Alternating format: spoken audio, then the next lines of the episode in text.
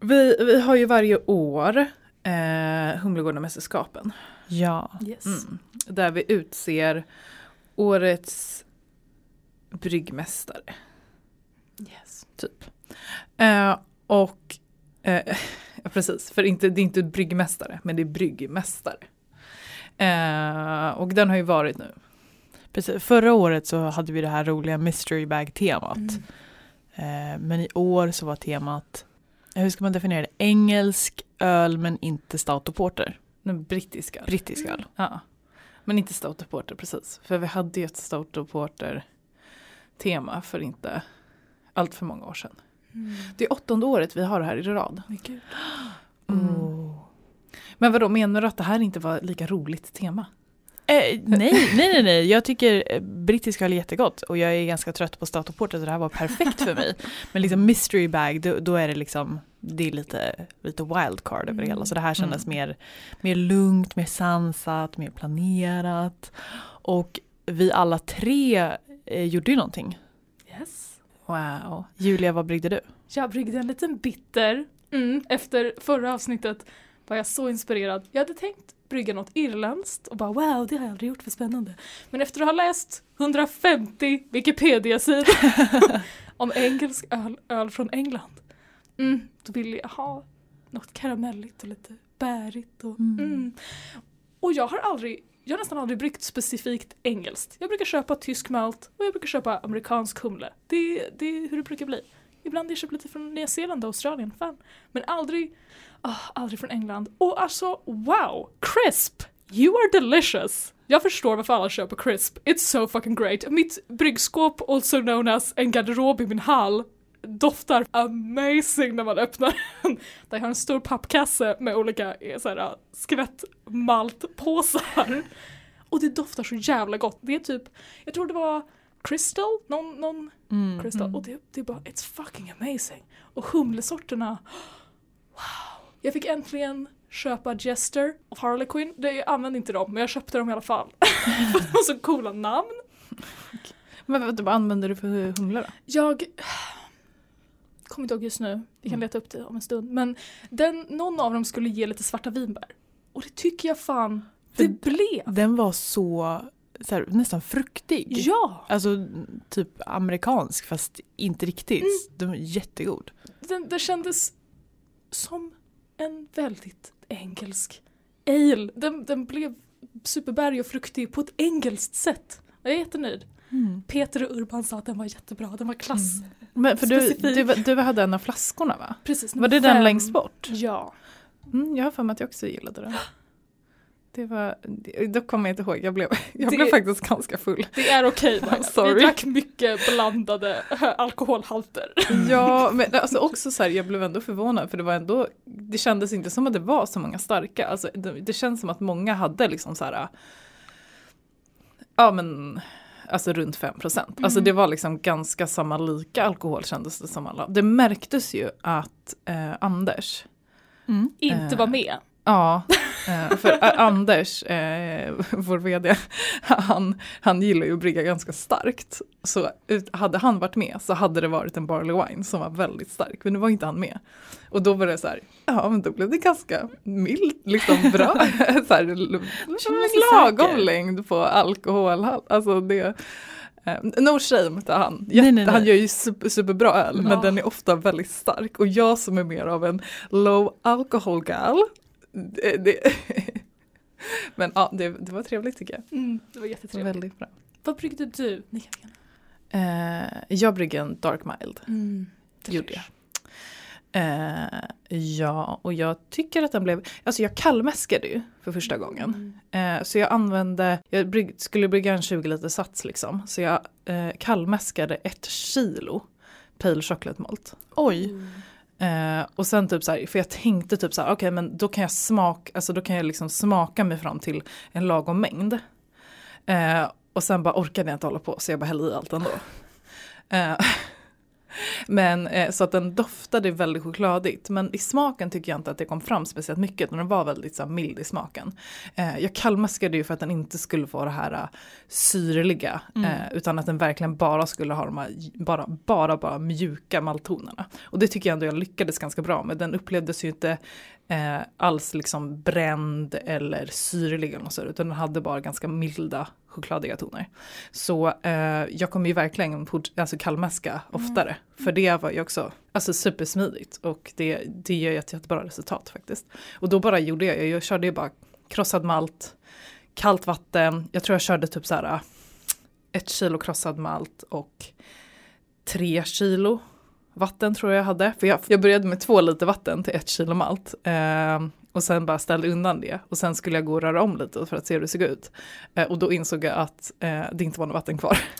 så jag var tvungen, Gröt! ja, jo, men så jag, jag var tvungen, jag, jag fyllde säkert på med totalt fyra eller tre eller fyra liter vatten kanske.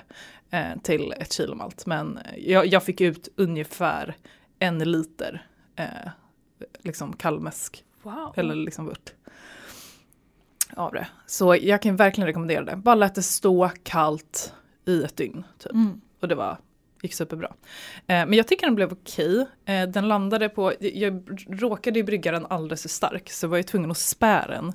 Eh, med typ så här fyra liter vatten i efterhand. För jag tänkte så här, jag bara okej men det gör ingenting. Och sen bara men jag kanske inte vill ha den så stark för den landade på dryga liksom 4% typ. Och jag bara, jag vill ha den 3,6. Det ska vara enligt typ definitionerna. Så jag bara var tvungen att spärra den jättemycket. Eh, vilket resulterade i, tror jag, att den upplevdes väldigt, för jag har väldigt, väldigt hårt vatten. Och det brukar vara okej, jag tycker inte att min öl upplevs så himla mineralig när, ehm, när jag eh, brygger vanlig öl. Men nu när jag spädde, och då spädde jag med okokat vatten, kallt vatten liksom bara från kranen.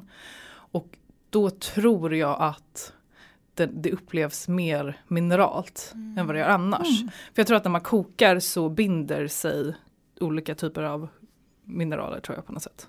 Probably no one knows. Eh, ja, jo, men nej, jag, jag tror att jag, tror, jag är ganska säker på att det gör det. Så därför tror jag att om jag hade kokat vattnet först, kylt ner och sen haft i det så hade det kanske varit skillnad. Jag vet inte, bara en teori. Eller så är det bara jag som vill komma med undanflykter. Mitt vatten inte är bra att brygga med, men det är, det är perfekt. Bara väldigt hårt. Men så det gjorde jag och jag använde bara standard eh, VGV. Eh, eh, Whitbread Golding Variety. Eh, humle, eh, jag körde marisotter eh, som basmalt. Den är ju, den är ju verkligen Så gott. den bästa. Ja, alltså jag tror att det är det verkligen egentligen min favorit basmalt. Eh, den ger så, bara en single malt, 100% marisotter, eh, på typ bara en pale ale. Alltså den, det är så bra. Mm. Den är verkligen så bra. Jag hade också marisotter i min. It's so Ja. nice. Nej men det är, man, kör man engelskt så ska man stå på tycker jag. Ehm, och sen körde jag lite brown malt, lite, lite, gud nu kommer jag knappt ihåg vad jag hade i. Men jag, jag, annars var den ganska simpel i alla fall. Vad bryggde du Rebecka? Jag bryggde en Scottish Light Mm. eller en 60 shilling tror jag det blir. Ehm, och jag blev supernöjd med min faktiskt. Eh, jag smakade den inte förrän dagen innan jag skulle lämna in den. Eller, ja, Jag smakade den inte förrän då. Alltså. men så jag kände så här, mm, men det, här det här är ändå, det är inte fy skam, det här kan man tävla med. Ehm, den blev, den landade på 2,9 procent. Vilket var lite lägre än vad jag hade tänkt mig. Den skulle vara på strax över 3, 3,4 typ. Ehm, men den jäste inte ut hela vägen så det är liksom lite restsötma kvar men jag tyckte att det, det gjorde ingenting. Ehm, jag hade också marisotter, of course. Ehm, typ, För, för de som inte vet är marisotter en kornsort. Eh, Ja. Och sen när vi pratar om marisotter så pratar vi om malt, mältad. en, en korn, ba, basmalt. som Ja. är väldigt eh, känd i, Så. i Storbritannien. I princip pale ale malt på marisotter korn. Ja. Ja. Ehm, jag hade typ fyra eller fem olika ehm, karamellmaltsorter. För jag ville ha liksom så här jättekomplex maltprofil med liksom lite karamell, lite knäck, lite, lite, lite rostat, liksom en hint av kaffe men inte alls för mycket. Ehm, så det var liksom Crystal 100, Crystal 200, Crystal 400, lite brown malt, li- lite lite svart malt, lite low color chocolate, lite liksom allt möjligt. Ehm, och jag döpte den till ehm, The Buchanan Light. Um, Buchanan är då namnet på en boxare från Skottland som boxades i lightweight-klassen. Så jag tänkte jag, jag ville ha liksom en så här, lite obskyr referens till min öl. Um, så ja, jag, jag kände att um, jag ville också brygga någonting svagt, lugnt. Um, jag gjorde en Scottish Strong Ale också för några månader sedan. Och det är så här, det- man kan dricka en liten, ett litet glas av den och sen så är det godnatt. Men när man vill ha någonting som man faktiskt kan avnjuta lite mer i större volymer så är det kul. Alltså vi kan ju säga det att det, den är tävlingen är helt anonym. Mm. Eh, så att vi eh, lämnar in fat eller flaskor. Eh, och man vet inte vem bryggaren är. Så jag blev ju superförvånad att det faktiskt var din öl. För Mhm. jag trodde inte, jag bara, alltså, jag trodde typ det var inte, Urban eller Klas eller någon annan av våra kollegor. Men jag, jag blev faktiskt förvånad att det var du. För jag trodde att du skulle brygga en så här klassisk ESB eller något sånt. Oh. Det, det, jag det, det, är säkert, det här är säkert Rebecka gick och kollade på. Jag bara, gud det här är säkert Rebecka som absolut inte du. Jag vill göra någonting helt annorlunda. För E- Mm. ESB har jag gjort. Mm. Ehm, så liksom bitter, engelsk IPA det har jag gjort men liksom en, en lättöl nästan. Mhm. Det kändes så, så nytt för mig. Ehm, och jag hade East Kent Golding. Bästa humlesorten. Den var slut när jag skulle, Aha, too slow. tror jag. Så att jag fick ta men. Mm. Men apropå det, eh, SM kommer ju, en nästa tävling. Mhm. Eh, och eh, anmälan till den släpp, eller stänger ju typ 11 mars. Eh, för domartävlingen i alla fall. Folkets val är öppet lite längre, typ till 11 april eller, Mm. eller ja, någonting sånt. Den är ju 28 april. 29, 29 april. Det är 29 april, Ja. en lördag. Absolut, 29 april. Det är inte en fredag. Eh, men eh, ska ni ställa upp? Alltså det här är ju mitt första SM. Ever.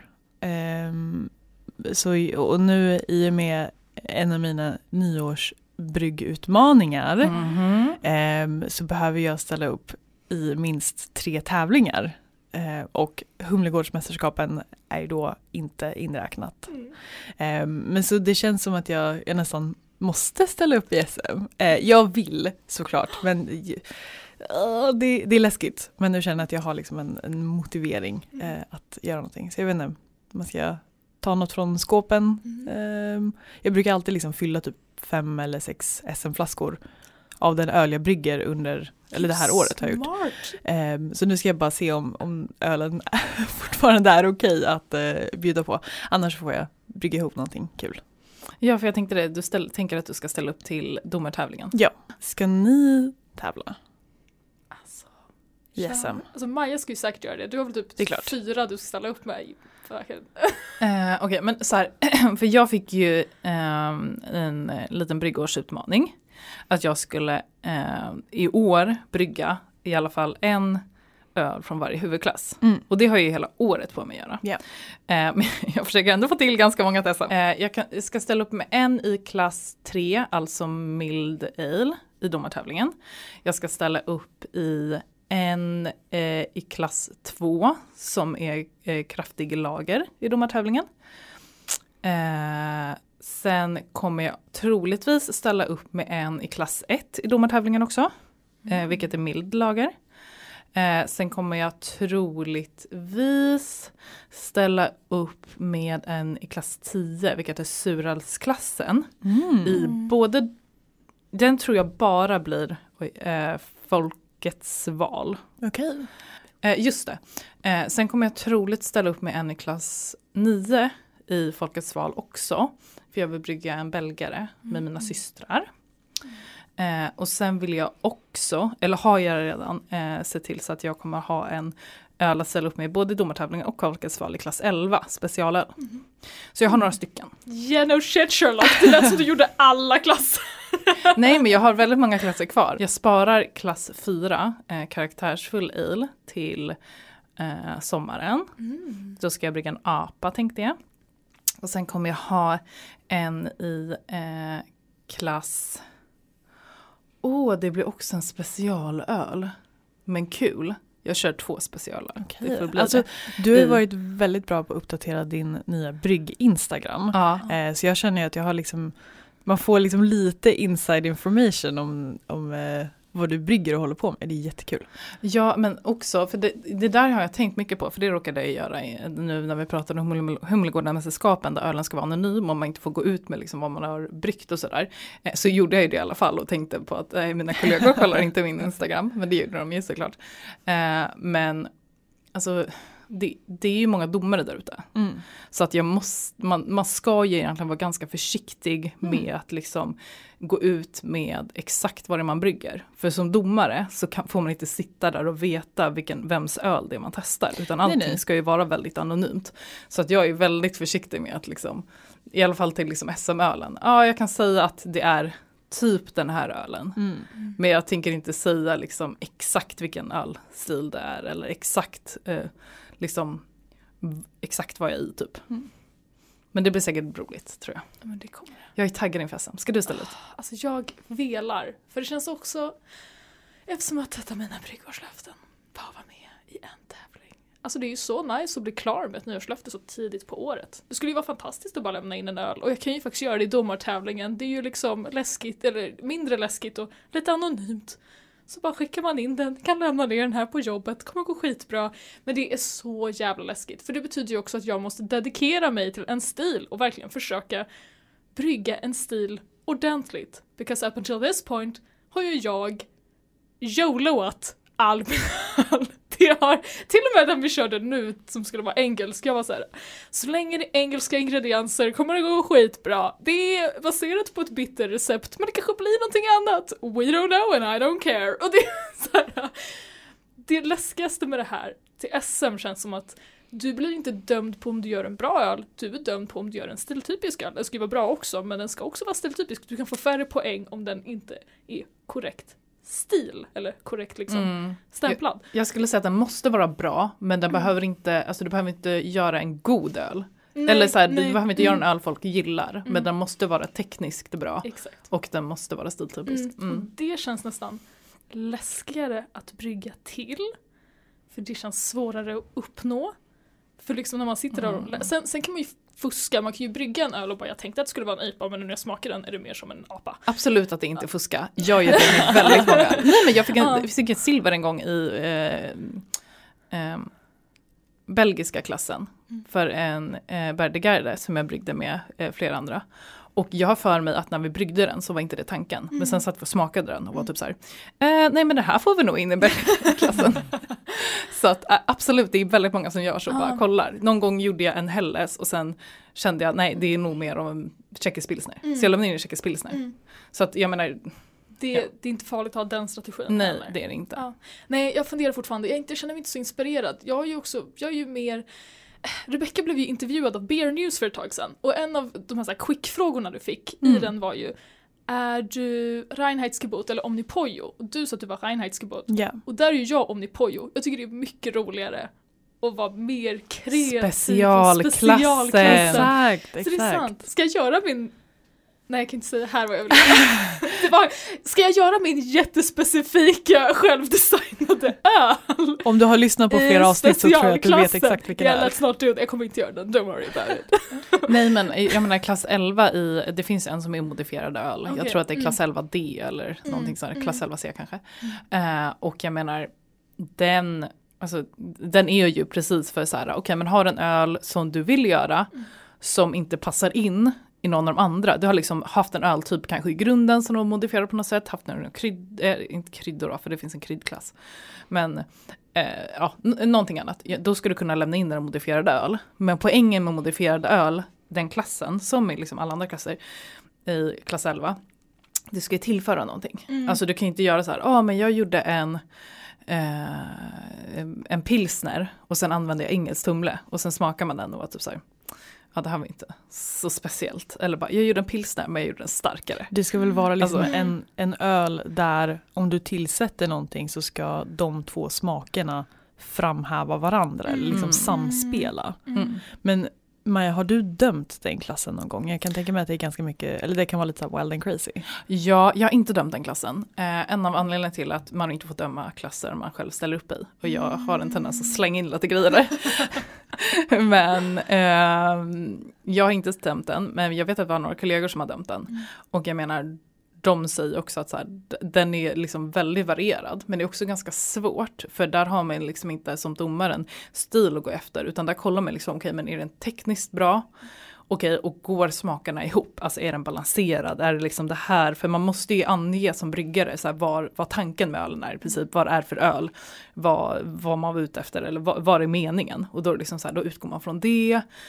Man kollar på balansen, man kollar på tekniska kvaliteter. Men det är jättesvårt för då har man ingenting svart på vitt att gå efter mm. och då blir det väldigt mycket diskussion mellan mm. domarna, vilken är bäst? Är den bäst eller är den bara godast? Om vi har tre stycken jättebra öl, tekniskt sett svinbra öl, precis det de säger att de ska vara, går man på godast då eller? För det är lite så här, som domare är inte meningen att man ska gå på godast ölen utan man ska gå på den mest korrekta ölen, alltså den som är stiltypiskast och den som är eh, bäst, tekniskt sett liksom bäst.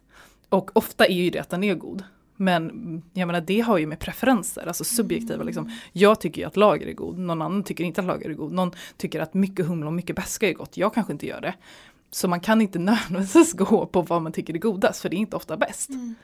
Så det är, det är en väldigt svår klass att döma, mm. vill jag komma till. Mm. Så ja. Nej, jag tänker. Men eh, vi, vi, ser, kanske. Jag är lite taggad men jag är inte så inspirerad än så länge. Jag vill gärna vara mer motiverad än vad jag är nu. Jag får göra lite mer research. Det kommer.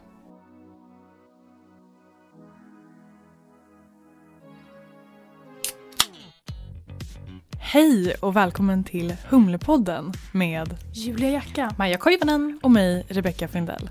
Idag ska vi prata om Finland. Landet på andra sidan vattenpölen deras ölkultur, deras ölhistoria eh, och vi ska prata med underbara Greta från Fat Lizard Brewing. Detta vill du inte missa. Häng med!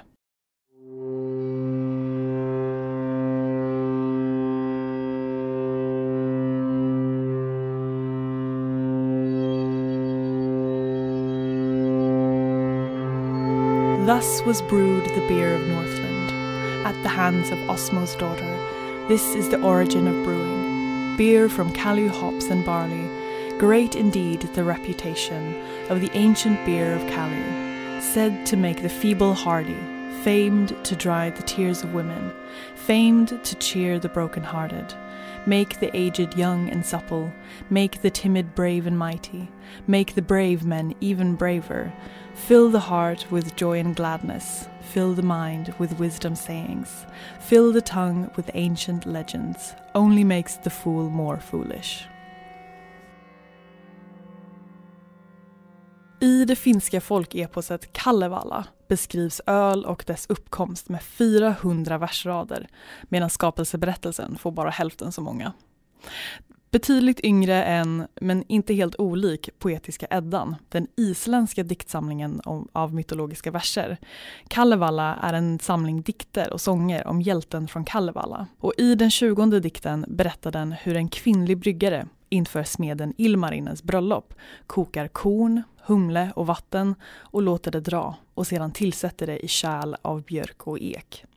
Men brygden jäser inte hon får hjälp av en ekorre, vit som snö, som tillsätter en kotte från ett granträd, men jäsningen startar inte. Hon får hjälp av en mård med gyllene päls som samlar ihop fradga från en björns mun och hon tillsätter det i brygden, men jäsningen startar inte. Till sist tar hon hjälp av ett bi som reser i tre dagar för att samla in nektar från blommor och gräs på en äng där en ungmö med smycken av guld har somnat. Och det är denna honung som äntligen får brygden att jäsa. Det jäser så mycket att skummet flödar och bryggerskan fruktar att hon har bryggt en hemsk öl. Men en rödhake ropar från sin gren att icke ska hon sörja, hennes öl är värdig. De här dikterna är åtminstone så gamla som 1500-talet, där den här typen av folkpoesi fortfarande sjöngs i de finska hushållen, innan den kristna reformeringen satte stopp för allt icke-kristet snack om skapelsen.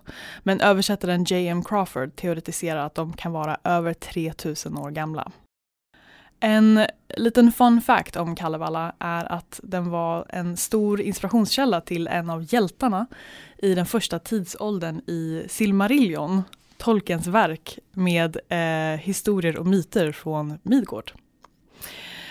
Det finns alltså belägg för att öl har tillverkats och Alltså, det är så kul för Julia står och fangirlar här. I'm so happy right now! Hon bara wow! Står och dansar. eh, du? This is amazing, fortsätt. Apropå Tolkien så är också poetiska Eddan, ehm, typ Tolkien har liksom tagit eh, namn bara rakt av från poetiska Eddan. Alla, alla dvärgar i Hobbiten kommer direkt från poetiska Eddan. What the fuck? Alltså eh, Thor, Thor, Thrain, Ah. Durin, eh, Gloin, Bomber, Philly Killy, Gandalf. Poetiska Eddan. What? Japp, copycat. Det finns alltså belägg för att öl har tillverkats och avnjutits i Finland sedan tidigast 1500 år före vår tideräkning, men troligtvis redan 3000 före vår tideräkning. Och det kan mycket väl bero på migration. Finska ordet för öl, olut, kan vara av protogermansk rot och finska är inte ett germanskt språk. Alltså kan det vara ett mycket tidigt lånord. Under medeltiden kom ölets influenser till Finland via Baltikum och Östeuropa jämfört med Sverige där det kom via Centraleuropa. Vilket kan vara varför den baltiska porterstilen har fått sådant fäste i Finland. Men de tyska konsterna nådde även finska kusten, om lite senare. Att brygga öl blev inget riktigt yrke under den här tiden utan hushåll och gårdar bryggde öl och odlade humle efter eget behov. Inte förrän början på 1800-talet blev bryggeriet ett riktigt företag. Det äldsta bryggeriet som fortfarande är i bruk heter Sinnebrytjov som slog upp portarna 1819. Den som har druckit koff eller karhu, det är en så svart björn på burken om ni känner igen den, eh, har alltså avnjutit finsk öl med anrik historia. Hartwall är ett annat gammalt bryggeri som eh, sedan 1836 och de brygger det välkända ölet Lappinkulta. Och bryggeriet Olvi har bryggt sedan 1878. Förlåt, jag har en jätterolig anekdot bara lite snabbt. Ja, Eller anekdot. Eh, Olvi Mm. eh, har, eh, deras öl är, liksom säkert de andra bryggerierna, finns på liksom mycket Finlandsbåtar. Eh, och de har en öl som heter Doppelapukki, eller en, alltså en dubbelbock. Mhm. Och ehm, när jag var ung eh, så eh, hade jag en kompis eh, som eh, bodde hos några. Eh, och de eh, körde, köpte mycket så öl från Finlandsfärjor. Så de hade ofta Olvi Tuplapukki hemma. Jag måste också säga det så för att det finns Det klart. Eller liksom Olvis dubbelbock hade Mm. de hemma. Så att det var liksom typ den ölen, en så här stark ljus dubbelbock som jag lärde mig liksom dricka öl på. Oh my god, Majas origin Oh story. Ja. Så att, och, jag, och ni kan, alltså jag tänker att nu, många som så här dricker öl för första gången är så här, "Ugh." tänkte då liksom, jag ung, säg inte hur gammal, eh, liksom dricker den ölen som också är typ så här, den är, vad är den, 7-8 procent, 7 procent säger vi, 7-5. Eh, och jag bara, så, så det, liksom, det var den ölen jag drack, så när jag liksom började min normalvuxen, men vi säger att jag blev, när jag blev 18 liksom, då var jag typ så här, men öl är rätt gott. Alltså liksom, jag gjorde så här, ja men eh, det- liksom, det var fel på den här, den här är inte så farlig. Mm. Eller liksom så här, och folk bara, är äckligt. Och jag bara, nej, öl är jättegott. Men det är så konstigt för att jag liksom började på Olvi Tuplapukki som Mm. är liksom inte, det, det är liksom inte en blaskig Det är inte pilsner. A-bro precis. Nej, precis. Eh, men i alla fall. Mm. Eh, och eh, jag har säkert inte druckit den på Länge. länge. Bra. Mm. Jag har inte druckit den på väldigt länge i alla fall. Så nu känner jag, nu vill jag köpa en sån. Ja. Av dessa tre så är Olvi det enda bryggeriet som fortfarande är självständigt. Eh, Hartwall är en del av Heineken och Sinnebrytjov är en del av Carlsberg. Innan vi beger oss in i modern tid så vill jag nämna Finlands förbudstid. Precis som amerikanska prohibition var alkohol strängt reglerat och förbjudet mellan 1919 och 1932. Som vi pratade om i avsnittet eh, om bootleggers och förbudstiden så medför alkoholförbud spritsmuggling, ökad brottslighet och så generellt samhälleligt missnöje. Um, och en, en intressant sak att påpeka är att de nordiska länderna som har haft en förbudstid, eh, Sverige, Norge, Finland, Island och Färöarna, har idag ett statligt alkoholmonopol. Mm. Eh, Danmark, som inte hade en förbudstid, har inte monopol. Ehm, en eh, herre som jag vill nämna eh, är Algot Niska som eh, innan förbudstiden spelade fotboll i finska landslaget i sommar-OS i Stockholm 1912. Men när alkoholförbudet trädde i kraft eh, började han smuggla sprit via båt eh, över Östersjön. Eh, och under åren mellan förbudstiden och andra världskriget så smugglade han något helt annat, nämligen tyska judar, eh, till en relativt mer säker tillvaro i Finland. King. Yeah. Ljus lager dominerar den finska ölmarknaden, men baltisk porter och Imperial Stout är finländarna också riktigt bra på. Förutom Lappinkulta, Koff och Karhu som jag nämnde tidigare så finns även Sandels, en ljuslager döpt efter den svenska översten som stred i finska kriget. Vänta, är den, är den finsk den ölen? Ja. Jaha, det visste inte jag. Och det, det är en till sån här, har man åkt Finland-Sverige så har man nog druckit Sandels. Mm.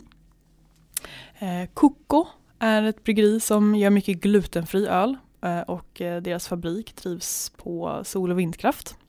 Eh, Stallhagen, ehm, ett annat bryggeri som ligger på Åland eh, och de brygger en väldigt, väldigt god baltisk porter och de har gjort en typ rekonstruktion av en historisk öl. Eh, den äldsta bevarade ölen från typ 1843 tror jag det var. Jaha okej, okay. jag bara ursäkta den äldsta ölen inte från 1843. okej, okay, du menar alltså den äldsta bevarade bevar flaskor. Ja precis, det var liksom en flaska med öl ja, och det ja. är den äldsta flaskan. Okej, okay, ja men då mm. fattar jag. Wow. Wow, det kan inte varit gott. Eh, själva ölen som var bevarad var nog inte det, men de gjorde liksom en mm de tog kultur och liksom inspiration och rekonstruerade Tänk den. om den här inte var superoxiderad och eh, liksom sur eller liksom sådär, vad skulle den då vara? Om jag hade varit en 150 år gammal öl, hur skulle jag ha smakat då? ja. eh, om man vill ha något annat än ljuslager eller baltisk porter eh, kan jag snabbt nämna Heasy Brewery, Terenpeli Brewery och Fat Lizard Brewing Company som brygger mer, mer humledominerad öl och lite blandad suröl. Som jag nämnde tidigare så har Finland precis som Sverige eh, statligt monopol på alkoholförsäljning. Deras version av Systembolaget heter Alko och 2018 ändrades finska alkohollagstiftningen till en höjd gräns för vilken alkoholhalt som får säljas i vanliga butiker. I Sverige har vi ju 3,5% som gräns i matbutiker eh, men i Finland ändrades gränsen från 4,7 till 5,5 Eh, och det här har varit ganska kontroversiellt, eh, i alla fall vad jag har kunnat läsa mig till. Eh, bland annat för att alkoholkonsumtionen inte ökade så värst, men dödligheten ökade. Eh, alkoholkulturen hos unga är ungefär densamma, men de som redan dricker, dricker nu ännu mer. Mm. Men den här höjningen har möjliggjort det för hantverksbryggerier att sälja mycket av sin öl i sina taprooms eh, och på så sätt kommit runt krånglet med att liksom få in en öl på monopolet. Jag gissar att de har typ samma procedur som vi har i mm. Sverige. Ja, för de har ju liksom gårdsförsäljning på det sättet. Mm. Mm. Det här eh, har använts som ett argument av en del svenskar som gärna vill se gårdsförsäljning i Sverige. Men det här är inte gårdsförsäljning så som vi tänker på det utan en mer liberal alkohollag för vad som får säljas utanför monopolet. Det som faktiskt är gårdsförsäljning i Finland är bärvin något som är ganska unikt för Finland eh, och därmed inte strider mot EUs konkurrenslagar. Eh, och deras eh, historiska dryck sati inkluderas i deras riktiga gårdsförsäljning. Hallå, eh, sati. Sati. Sati. Sati. Det, det, det roliga med eh, finska språket är ju att man eh, faktiskt typ uttalar, eller det är så jag tänker så fort jag läser någonting på finska, är att man faktiskt ska uttala precis varenda bokstav som är. Inte så här som ja, men på många andra språk, att det liksom så här, står det CH så uttalar man inte CH eller är det ett E på slutet kanske man hoppar över E på mm. engelska. Liksom. Eh, men jag tänker på finska uttalar man varenda bokstav så är det satti. Så ska man uttala h sa, satti. Ja i alla fall. Eh, Bara, det, det är så jag tänker när jag läser finska. Så bara, ah, det är bara att uttala varenda liten bokstav så är det troligtvis. Och sen lägger man till lite finska rätt. Satti. Ehm, men i alla fall. Eh, jag, jag läste ju på lite om satti. Och ehm, först och främst, låter kul. Tänkte göra det till det här avsnittet. Jag bara shit, det här känns ju inte så svårt. Det här är ganska basic. Eh, men sen livet kom emellan. Eh, jag har ju bryggt typ så här tre öl de senaste tre dagarna eh, också, så jag har inte riktigt haft tid att eh, brygga någonting annat. Eh, och eh, sen orkade jag inte eh, gå ut och klippa massa enris. Maja, hur kunde du inte det? Jag orkar inte. Eh, också, jag tror att en är fridlyst, jag vet Jo, inte. Ja, man får inte klippa Ja, man får inte bara gå ut och klippa enris. Så, att, alla- så jag var duktig och inte gjorde det i alla fall. Men man kanske får göra det i Finland då. Eh, eftersom man faktiskt använder enris i satti. Så satti är en av världens äldsta ölstilar. Som fortfarande liksom bryggs idag. Eh, i liksom någorlunda på samma sätt, liksom i samma. Det är inte som att liksom, när vi pratar om många av de andra ölstilarna, liksom, ja med porter, men porten idag är inte samma porter man drack för 200 år sedan. Men sattin idag är typ samma satti du drack för 500 år sedan. Eh, och troligtvis så eh, uppkom den kanske typ så här 1200-talet eller kanske lite senare. Men eh, jag, jag kunde inte hitta någon liksom konkret källa på liksom när man kan hitta den första. Men någonstans där, 1200-talet, 1300-talet, 1400-talet, någonstans där. Eh, kommer den ifrån. Eh, bryggs fortfarande idag, framförallt eh, liksom i, eh, och har ju traditionellt gjort det som liksom hemmabruk, men idag är det även lite större bryggerier eh, som faktiskt fortfarande brygger satti. Ehm, men den är ganska lik eh, vår Gotlandsdricka, Mm. eh, den svenska Gotlandsdrickan. Och jag tror snarare, det är, det är möjligt att jag får hit för det här, men jag, jag skulle gissa på att det finns något form av samband. Alltså att det, det var någon som någon gång åkte över till Finland och tog med sig den här drycken till Gotland. Och sen var det, det känns orimligt att det var liksom så här två separata, för de är ganska lika ändå. Eh, men jag gissar att ursprunget i så fall är Finland. Eh, men jag, jag, jag vågar inte säga någonting, det här är källa känsla och eh, förlåt alla, alla Gotlands... Don't eh, at us, vi kommer inte ta diskussionen om det. Precis där, det är 100% källa känsla, jag är ingen här. Men i alla fall, så eh, satti är en överjäst, ofiltrerad, eh, ofta opastöriserad och stark öltyp. Ofta kanske 7% eller över, vissa kanske är uppe i 11% men den, den är liksom, och speciellt för att vara en eh, gammal ölstil så är den väldigt stark. Ehm, för ja, traditionellt sett många ölstilar, men då har de ju för sig uppkommit de senaste hund- hundra år sedan, liksom, har de ju varit ganska svaga från början. Eh, men eh, så för att vara en ganska liksom, historisk ölstil, väldigt stark, eh, 7 till 10 procent någonting sånt. Man använder ju liksom, det blir ju så här, ti- man använder typ så här 10 kilo malt för att brygga bara en 25 kilo sats. Så det, det är ganska mycket liksom. Eh, oftast, eh, man brygger den då på malt, eh, men oftast inte bara kornmalt. Eh, man använder väldigt ofta även råg i eh, basen. Men man kan även, det är inte helt ovanligt, att ha liksom havre eller vete i.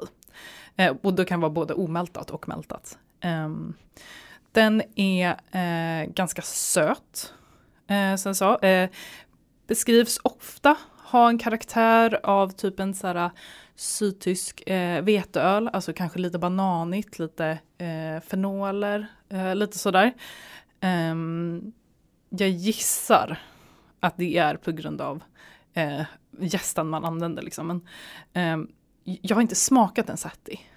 Eh, det är inte så att det är någonting som finns på liksom, lokala ikat eh, direkt. eh, men jag funderade på att jag skulle göra en satti någon gång och se om jag får till det. Finns det på Systembolaget? Jag har inte ens kollat. Jag kollade nej. Mm. Eller det fanns som hette liknande saker men jag tror inte de var från Finland och det såg inte ut som rätt sorts Inte autentiskt. Nej, för jag kollade bara lite snabbt typ så här på när jag var på Mm, Systembolaget. mm. Och det, då fanns det inte kan jag säga. Eller jag frågade, jag var Sati? De bara, eh, vad är det? Nej men, ehm, precis. Så man får väl åka över till Finland någon gång. Eller så kanske man kan hitta det på någon färja eller något sånt där.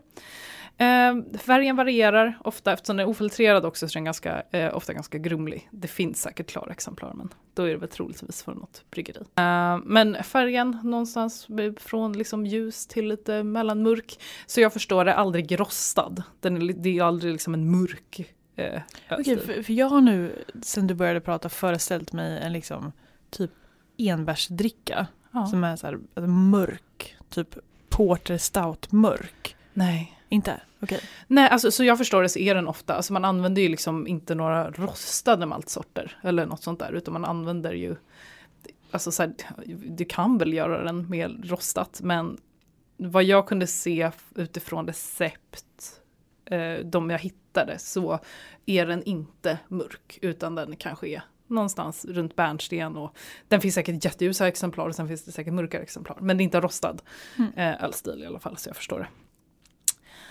Ehm, eh, oftast dekorationsmäskad, eller traditionellt sett dekorationsmäskad, eller enligt Steinwir-metoden.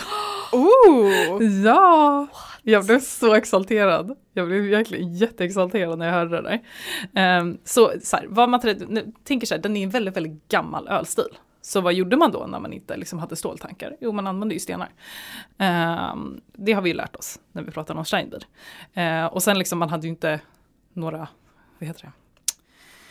Ehm, termometrar någonting. Som man liksom så här, traditionellt sett för länge sedan, då var det mycket så här, känna i fingret, höften. är det här? Mm. Jag, jag, läste också att man kan använda armbågen.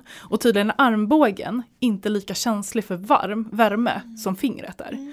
Så kommer man upp i liksom 70 grader, då kan man doppa ner armbågen. För man maskar ju den, brukar köra en inmaskning på kanske runt 40 grader. Sen, eh, blir det liksom, eh, sen gör man en stegmäskning upp till 70 grader. Eh, så vill man göra en sån här och inte kan köra Steinbier-varianten så kör man en dekorationsmäskning då, då eh, traditionellt sett. Eh, och man har, så jag förstår, en ganska tjock malt, eller vad heter det, mäsk. Alltså den blir ganska grötig. Eh, så att säga. Speciellt om man ska ha mycket råg i. Ja, precis. Så att den är, det är liksom inte bara så här, ja. Det, den, den blir ganska grötig helt enkelt. Eh, och sen håller den på ganska länge. För nu, kör man Steinbier-varianten eller kör man eh, dekorationsmästning. Folk som har hållit på med det vet att det tar sin lilla tid. Så det kanske håller på i några timmar i alla fall. Så efter typ där, fyra, tre, fem timmar, någonting sånt där, eh, så är mästningen klar. Alla setti kokas inte. Hmm. Eh, ehm, traditionellt sett så kokas den inte. Ehm, för att eh, dels så jag gissar att det liksom kanske var svårt att koka. Eh, jag vet.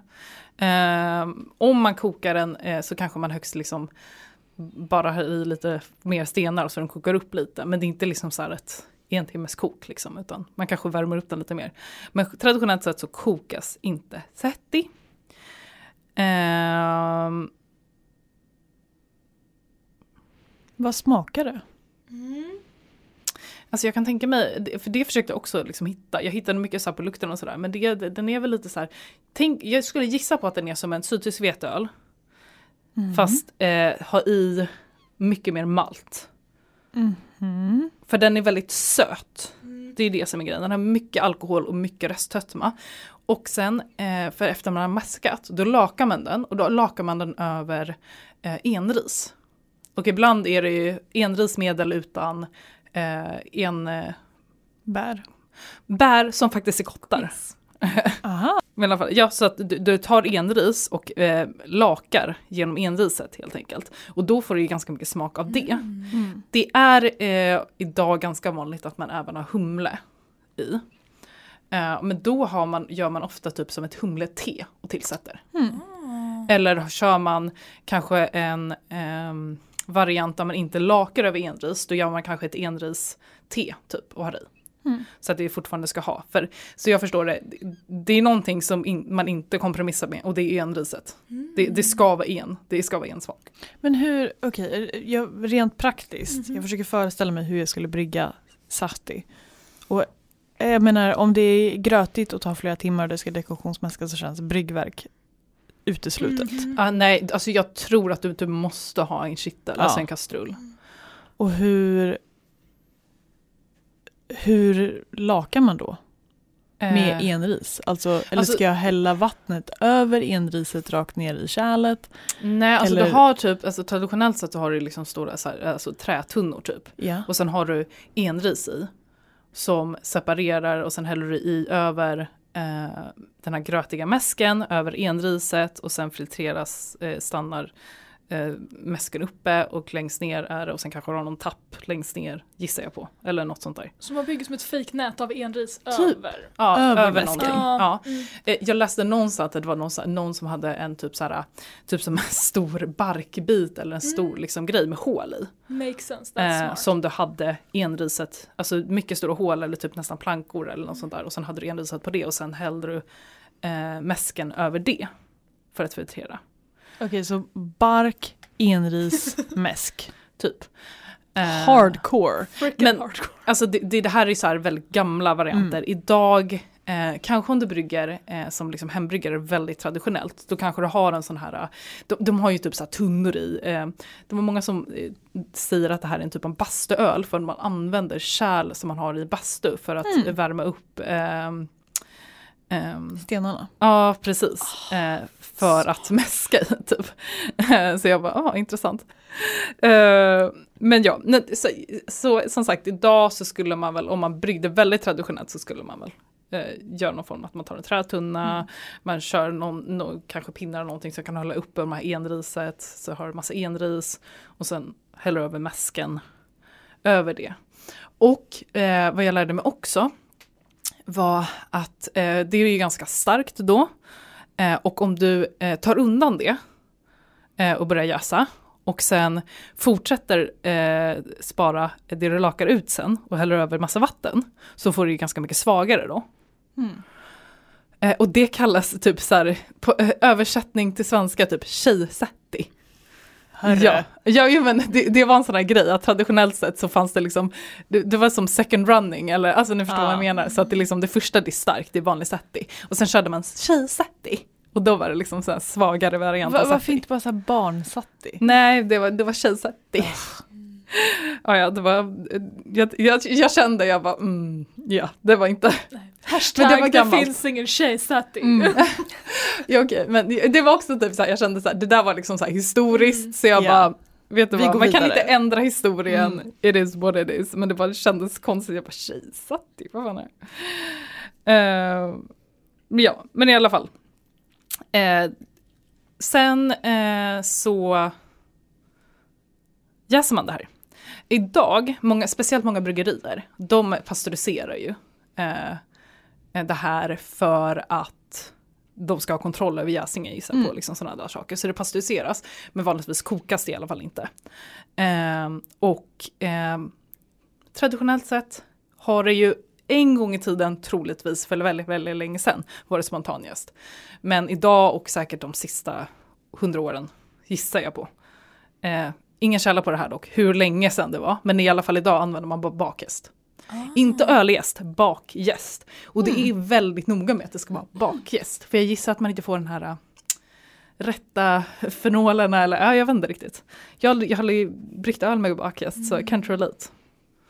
Så, Men alltså, du får ju liksom ingen smak av det men också bakjäst är ju framtagen för att vara snabb. mm, Ölgäst är ju framtagen för att ge smaker Mm. och därmed ta längre tid. mm. Men så jag förstår det så ger det ändå ganska mycket smak. Alltså, Mm. Men det kan också vara på grund av att det är väldigt hög alkohol, eh, det kanske blir stressad, vet inte. Mm. Men så bakjäst ska man där, en sån här äh, kak bakjäst liksom. Eh, och sen jäser det, som sagt, svinsnabbt jäser det. Mm. Det jäser ut helt på typ två, tre dagar. Eh, och då tänk, keep in mind, den är väldigt stark. Eh, så det går väldigt, väldigt snabbt. Och sen kanske den lagras lite. Jag läste någonstans som eh, för några veckor sedan om det här. Och jag kan typ inte hitta källan på det nu. Eh, men jag fick för mig att man liksom matar den här för att dricka den färsk. Alltså att man, alltså du har, du har settin och sen, sen för att hålla den söt eh, så matade du den hela tiden. Eh, med Som nytt en socker. surdeg. Ja, ja men alltså så här, med nytt socker för Mm. att du vill ju dricka den när var fortfarande var söt och den jäser ut hela tiden. Så att du matar den hela tiden för att dricka den söt och därför också kommer den upp ganska högt i alkoholen. Ah. Men jag kunde inte hitta någon liksom riktig källa på för idag så känns det som att det funkar inte alls med kommersiellt syfte utan då gissar jag att man bara pasteuriserar den igen eller liksom eftersötar den på något annat Ja. sätt. Men så jag förstår det så kunde man söta den med någon typ av socker eller honung Mm. eller liksom någonting och bara fortsatte söt, äh, söta den. Den blir starkare och starkare och starkare men det är bara för att den fortsätter jäsa. Så det var jag lite intresserad av att göra. Alltså typ så här, två, för det var min plan ursprungligen. Jag bara om jag två veckor innan vi spelade in det här skulle jag brygga den. Mm. Och sen skulle jag bara var femte dag mata den lite. Och sen skulle jag ma- mata den och sätta upp den lite extra inför att vi skulle testa den. Skulle du använda då liksom eh, armbågsgästen då? Eller liksom handgästen? Jag tänkte att om... Nej, du, du använder bakgästen. Ah, okej, okej, okej. Ja, jo, för idag används bakgäst. Det är inte så att idag, idag är det väldigt ovanligt att man spontanjäser den, utan det ska vara bakgäst. Men eh, som sagt, jag kunde inte riktigt hitta en bra källa, för alla källor jag har nyligen kollat på är att liksom, äh, nämner inte det här att man liksom ska vara fortsatt sötad. Så jag vet inte om det bara liksom är en viss typ av setting. Mm.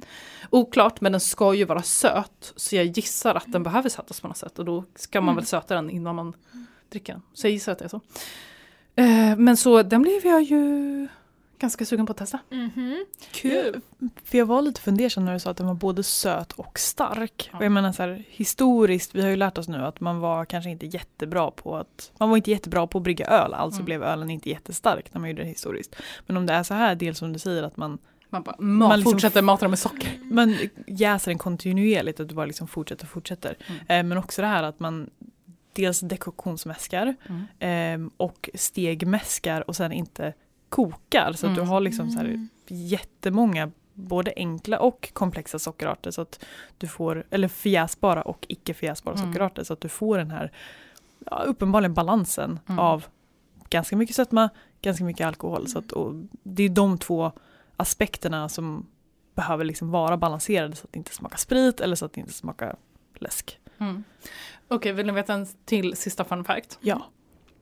Eh, precis som i Sverige har bibelbältet, har de Setti-bältet i Finland. Till bält. Vilket Ja. låter mycket trevligare. Ja, jag kände det. Jag bara, van, vi har bara bibelbältet. Nej, de har Setti-bältet. Så det är liksom så här, jag kunde inte få fram det på en karta, men de, de beskrev det i alla fall. Att det var liksom så här, en viss region som ett bälte som är liksom så här, här är Setti väldigt vanligt. Så att Aha. Setti är väl inte supervanligt på alla delar. Okej, Ja. är det mer i norra eller mer i södra? Nej, eller? det var södra, för det slutade typ strax utanför eh, Helsinki. Four friends founded Fat Lizard in order to get fresh and high quality American style beers from Finland. Fat Lizard beers are made with uncompromising taste and skill in Otaniemi in the heart of Espoo. Det är så Fat Lizard presenterar sig själva på fatlizard.beer. Och jag vill be om ursäkt i förväg för hur dåligt jag kommer uttala alla de finska namnen i det här segmentet. Idag kommer jag få prata om bryggeriet Fat Lizard för att jag fick den fantastiska äran att prata med Greta Mäkinen som länge har varit eh, Fat Lizards brewing supervisor men nu har tagit över rollen som expert and quality control. Och hon är så oerhört cool. Eh, har jobbat på Fat Lizard i flera år och om ett ögonblick kommer hon berätta mer om sig själv. Jag tänkte kort berätta lite om Fat Lizard som bryggeri och hur länge det har funnits. Fat Lizard startade 2013 när Hessu och Topo byggde ett 20 liters bryggverk i Topos garage med utrustning som gör världens bästa IPor i USA. Bryggverket växte till 300 liter när en lämplig lokal hittades i Esbo och då kom E och Topi med i verksamheten. Fat Lizards första kommersiella öl, 101 California Pale Ale, hittade sin väg till barerna i februari 2015. Fat Lizard blev snabbt superpopulära och 2017 ökade produktionen ytterligare och utbudet utökades till burkar utöver fat som nu såldes i hela landet. Eh, 2018 öppnade de en egen ölbutik kopplad till bryggeriet. Fat Lizard har även restauranger i Hettonäs, Helsingfors och självklart deras egen bryggeribar Fat Lizard Taproom i anslutning till bryggeriet. Nu ska ni få höra Greta Mäkinen prata om sin karriär och hennes syn på ölbranschen. Ring ring, ring ring! Hej, det är Julia! Det är Greta. Nice! Hello, who are you and what do you do?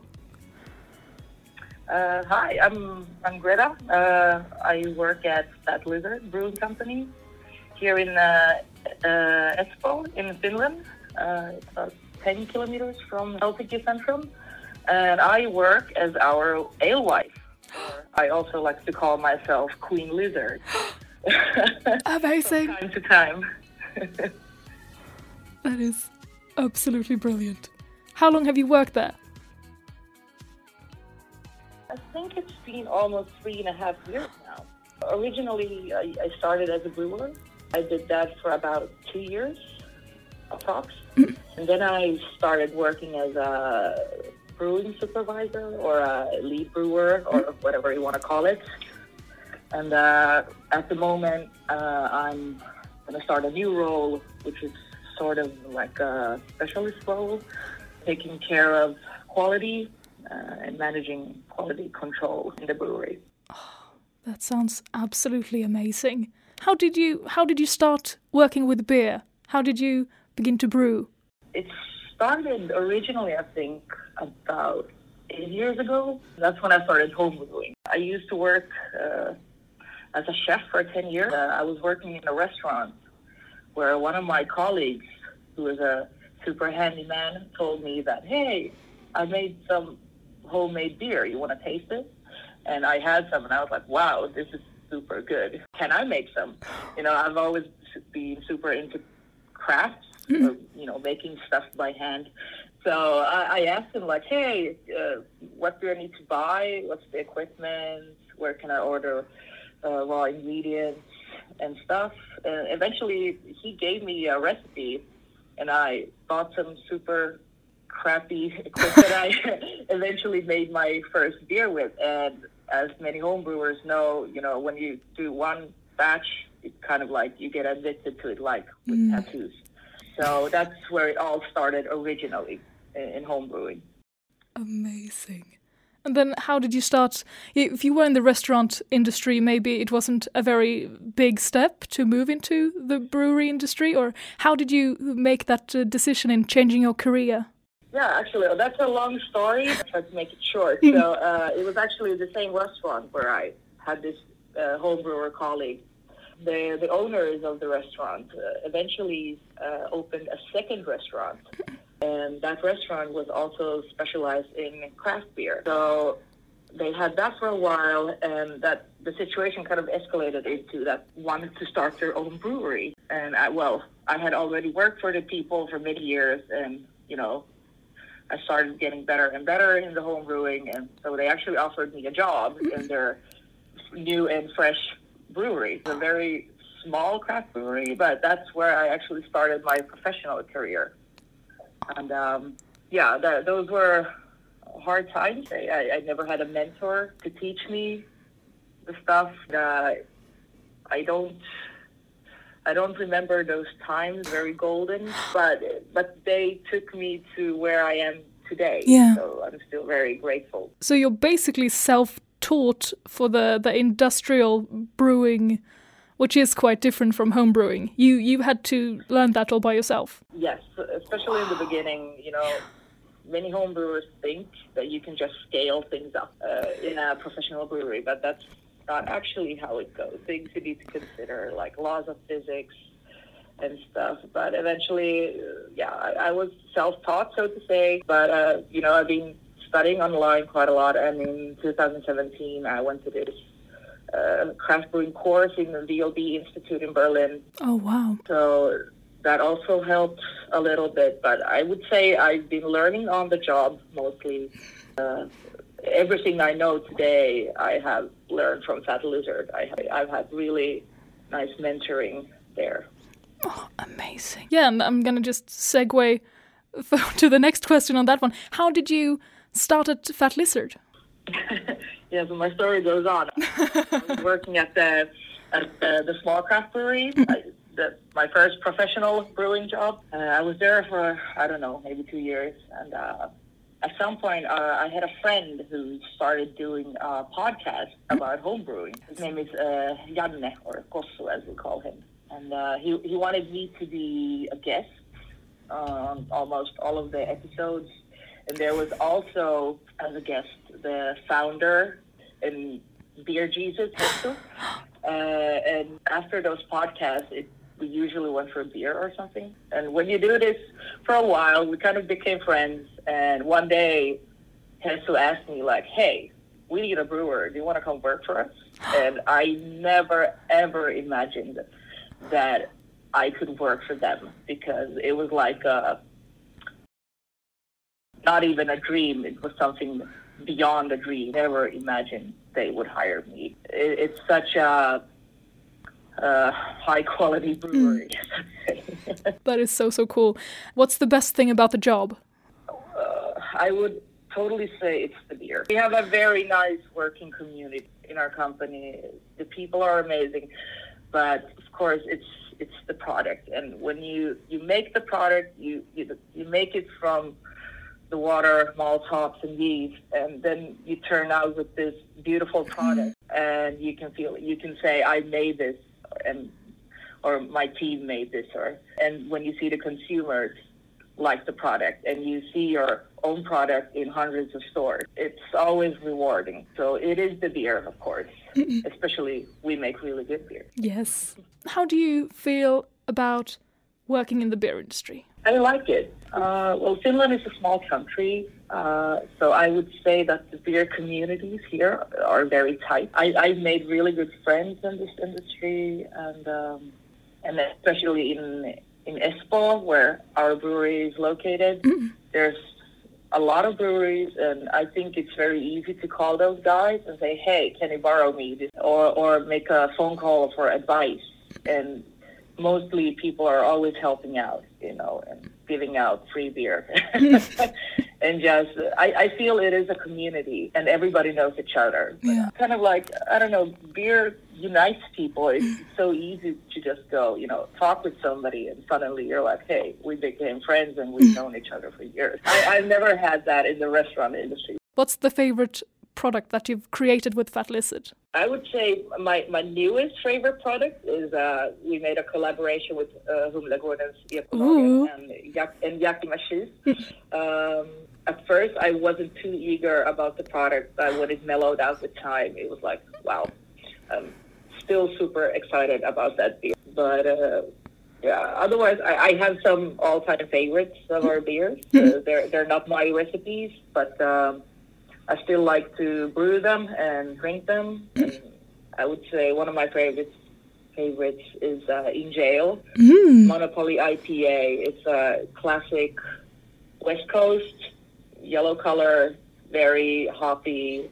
Uh, it's six point five percent ABV. It's, it's super super easy drinking, and and it's a clear beer. I'm not too into hazies, so it's it's it's a nice classic style here. What's the best project you have going on right now? I would say the most interesting to me right now is that I, I started a small a barrel age project at the brewery a while back. But I mean, it's super tiny at the moment. We only have four barrels, but we we got four very nice barrels from our friends at Kyrö Distillery here in Finland. They they picked them out for us. So I have an imperial stout aging in those, and let's see, they should come out this year. But this is the the first barrel age program we've made, Yeah. so I'm eager to see what happens. I'm freaking willing to go to Finland. Uh, I saw the pictures from your brewery and also just like the environment close by. And it looks amazing. Yeah, it's, I like the building. Uh, a part of it was actually designed by Alvar Aalto. Oh wow. Uh, yeah, but only only a part of it. But still, I I like the building itself. Now it's just getting very small for us. Uh, the com- the company has expanded a lot. I remember when I started at that Lizard, we made 400,000 liters per year, and now this was the second year in a row where we made over 1 million liters year. Amazing. So uh, yeah, it's getting kind of crowded. yeah. I still like it. I mean, it's it's it's a craft brewery, so everything is not supposed to be super automated. You have to be, you know, moving stuff around to fit. So you're was you're brilliant. you're a fucking genius. And I want to brew so much more. Also, all your cans look amazing. It's such a cool brand. yeah, one of our founders is the he's the uh, art director. All the cans. He has been doing an amazing job for all of these years. I, I also like the can Oh, and the brand Yeah. in itself. So cool. Oh yeah, do you know why you're called Fat Lizard?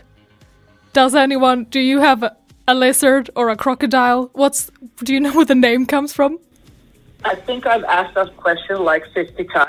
I still haven't got a proper reply, so I can't answer that. Well, then it's also good that I couldn't find a tr- clear answer on that, but it's it's such a cool name. But it's catchy and it's in English. Exactly. I, I'm not sure, but I think one of the points was to, well, well, that the name is in English because uh, we're a brewery that's uh, specialized in American style, especially IPA. And that was like when the brewery was, uh, when they started the brewery, uh, there wasn't any, like, you know, really good classic American styles available in stores. If you had the exported beer, it was super old at the time it got to the got to the Nordic countries. So, so then the guys decided, hey, we should make our own. This is where it all started. That's also a reason why we are American specialized. Yeah. Thank you so much for your time. This has been brilliant. My, my pleasure. My oh, pleasure. You're you're amazing, and I really hope that the the new role is exciting and fun. Thank you for keeping on making this beautiful, beautiful beer. no worries. Thank you. Alltså för att Lizard gör så himla cool öl. Det- f- bara Från början här, de gör äh, burkarna. Om vi bara börjar där. Deras design på burkarna är så himla fina. Jag rekommenderar alla att gå in på deras hemsida fatlizard.br, tryck på öl. Man kan översätta sidan, man kan ha den på engelska eller finska. Ni bestämmer. Och alltså de har så mycket öl. Det är ju det är mycket, alltså om vi snackar designen så är det mycket att vila ögat på. Ja, Eh, så oh ja. det, det känns som att varje gång man tittar på burken så är det så här, oh det där, det där märkte jag inte förra gången. Oh, oh nej men titta där, oh där var en liten sån där. Så det, de, de lägger mycket tid, Mm. det märks, på liksom design, marknadsföring Mm. och utseende. Men verkligen. Och de är väldigt roliga. De har väldigt roliga namn. Jag, jag tycker att de känns så jävla moderna. Ja, Alltså de känns så här new, modern, hip.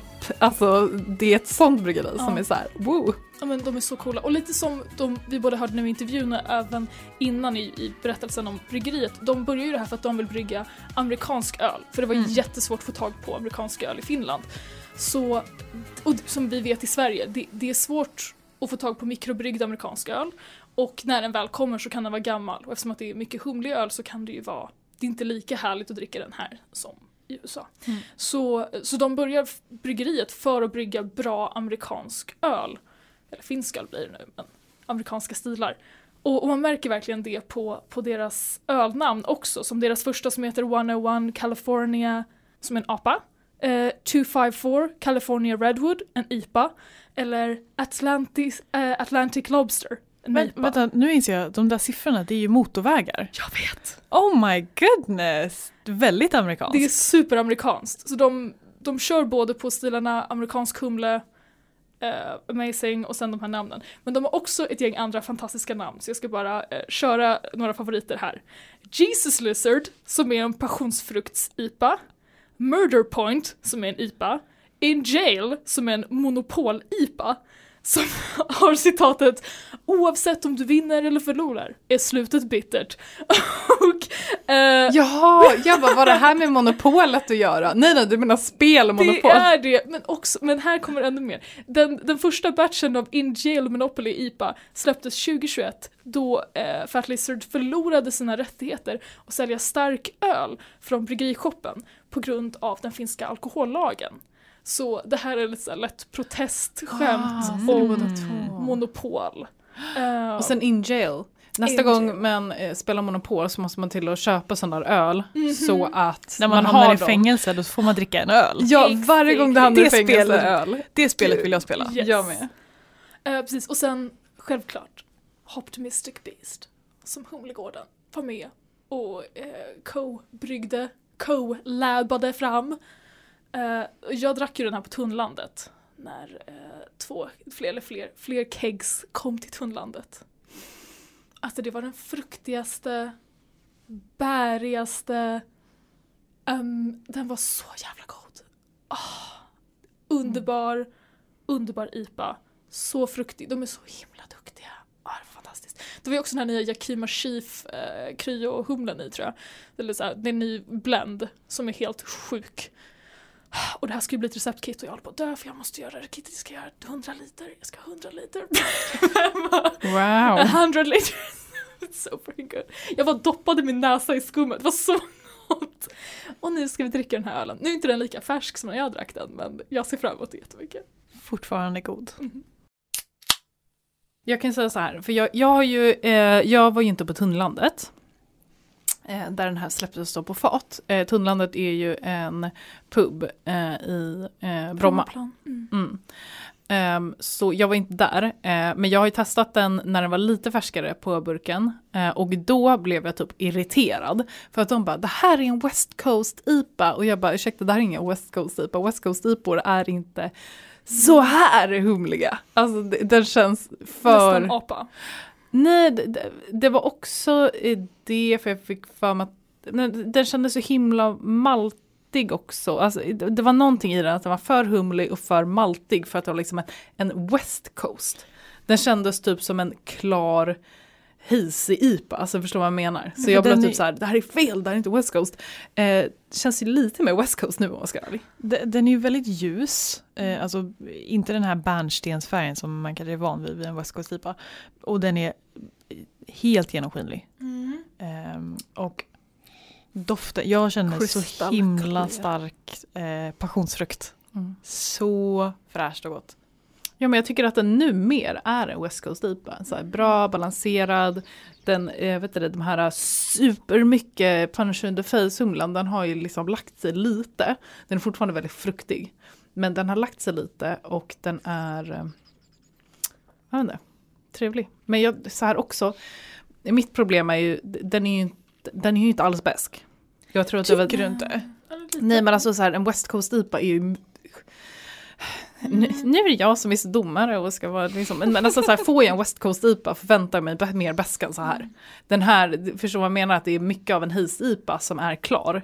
Att den är superhumlig och sen är den ganska, har ganska mycket maltighet men den har inte precis lika mycket beska liksom. Den är väldigt juicy. Jag tycker att den, den känns ganska besk ändå. För att, eller det, det blir sån kontrast för att den doftar så himla himla fruktigt och, och fräscht och tropiskt. Men sen så det känns liksom inte lika tydligt i, lika tydligt i smaken. Utan där är det mer traditionell humlebeska. Tycker jag. Mm. Ja, nej. Nu är jag lite sådär besviken för att den, den, nej, jag drack den färsk.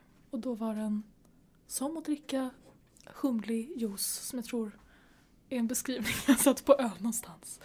Men den, går, den här går inte att få tag på längre va?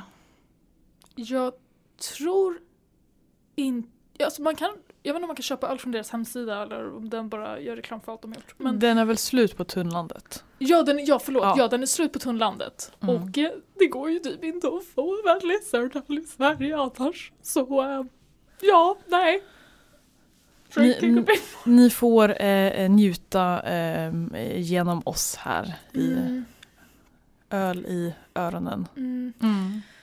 Nästa gång ni är i Finland så Ja, får man ju åk åka förbi Mm. och, eller ja, jag gissar att de har på Alko typ eller något sånt där. Jo men det tror jag. Mm. Så att då får man ju se till att köpa lite fett öl för de, det är ju väldigt högkvalitativ och rolig öl Mm. de har. Ehm, men också roligt att det kommer ett receptkit. Mm. Då kan man ju, det kan man ju tänka sig, den smaken vi känner Mm. nu kan man brygga sig till. Mhm. 100 liter. Mm. Men jag tror att den, den var så mycket godare färsk. För nu är det Ja. några månader också ska vi säga. Ja gud ja, den här fick ju vi in i början av december och nu är det eh, början av, mitten av februari. Så att the time has gone by. Okej, Som tänk att mjölk. IPA inte lagrar sig bra. Nej, exakt. Så det är mycket humlesmak som har försvunnit. Men den, jag tycker den fortfarande var trevlig, alltså den var inte tråkig. Den var, jag, jag gillar den nog mer nu än vad jag gjorde förra gången. Inte lika irriterad. Nej, men också, jag, jag tycker ju att det kommer min rant om IPor. Men alla de här äh, juice-iporna, eller alltså alla Mm. de haze-iporna, niporna, alltså alla de som kommer. Jag tycker de är så fruktansvärt obalanserade. Alltså det är Mm. bara sött i munnen. Det är bara sött och frukt i munnen. Mm. Och jag förstår att man gillar det, men jag tycker att det blir för mycket. Så jag vill ju ha lite mer balans. Och den här är ju lite mer balans än när jag smakade den förra gången, enligt mig. Eh, men gillar man, ja, det, det, det, är ju, det är ju verkligen vad man gillar och inte gillar. Smakfråga. Mm. Snart händer det något kul. Yes! Mhm. Mhm. Nästa vecka, nästa onsdag, är det 8 mars. Och det är internationella kvinnodagen och då kommer vi tre infinna oss på Vaxholm på Hope Notch. Yeah. Och vi ska försöka, även om vi alla, eller Rebecca är bra, men vi flesta här är dåliga på sociala medier. Så vi ska uppdatera våra sociala medier och filma under dagen när vi är där och brygger med massa coola, coola ölmänniskor. Um, det vill ni inte missa. Så, så ses vi nästa vecka och nästa månad. Mm. Bye! Hej då! Och om du vill veta vart alla våra härliga berättelser kommer ifrån så kommer vi länka alla våra källor medverkande i en källförteckning som finns i poddbeskrivningen. Du har lyssnat på Humlepodden med Julia Jacka, Maja Koivinen och Rebecca Findell. Du kan nå oss på podcast.humle.se och följa oss på Instagram där vi heter Humlepodden. Lyssna på ett nytt avsnitt första fredagen varje månad. Det här avsnittet producerades av Humlegårdens ekolager, manus av Julia Jacka, Maja Koivunen och Rebecca Findell, klippning av Julia Jacka.